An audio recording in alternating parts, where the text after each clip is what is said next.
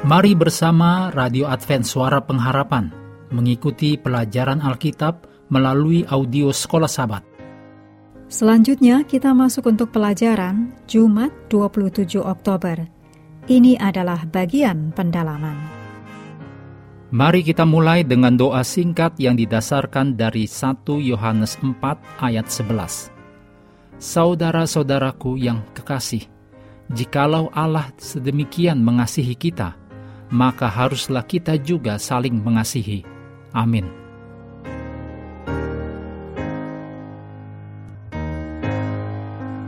Berikut ini kutipan dari Ellen G. White, Alpha dan Omega, jilid 1, halaman 156-157.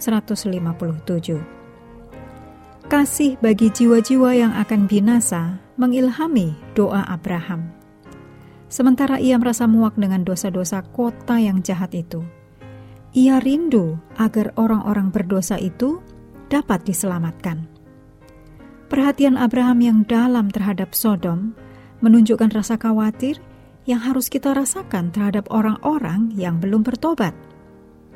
Kita harus memupuk rasa benci terhadap dosa, tetapi belas kasihan dan kasih bagi orang berdosa.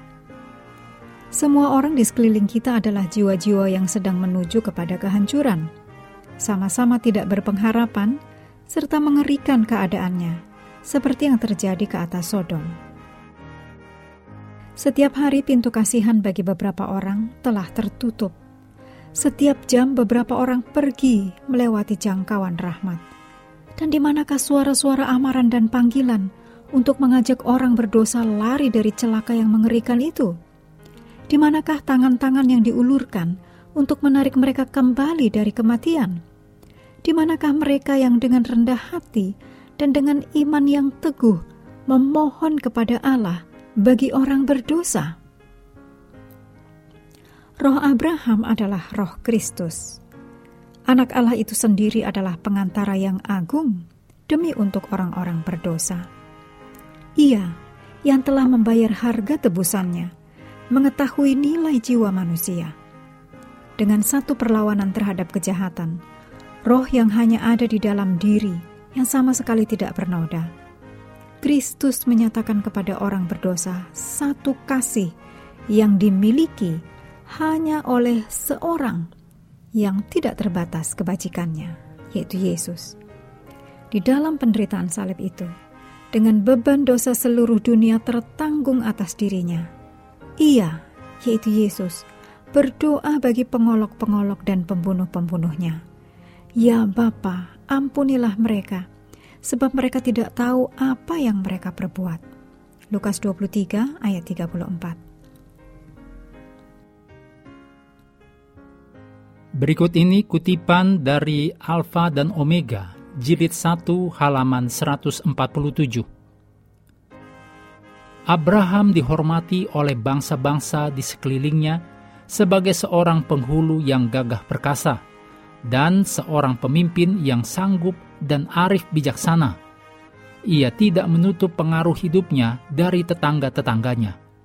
Kehidupan dan tabiatnya yang amat berbeda dengan penyembah-penyembah berhala itu telah memberikan satu pengaruh yang memberikan kesaksian akan imannya yang benar Kesetiaannya kepada Allah tidak dapat digoyahkan, sementara keramatamahan dan kedermawanannya membangkitkan kepercayaan serta persahabatan, dan keagungannya itu membuat dia disegani dan dihormati.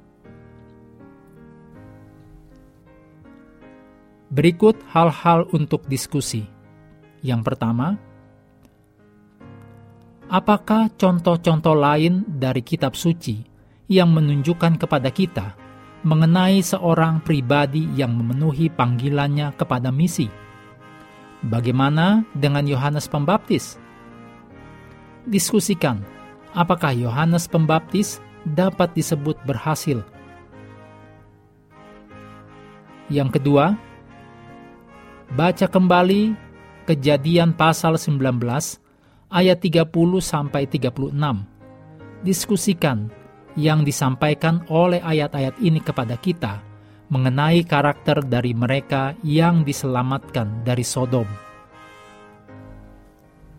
Yang ketiga, diskusikan pelajaran lain apalagi yang bisa kita pelajari dari contoh Abraham dalam hal misi dan bagaimanakah hal itu bisa dilakukan.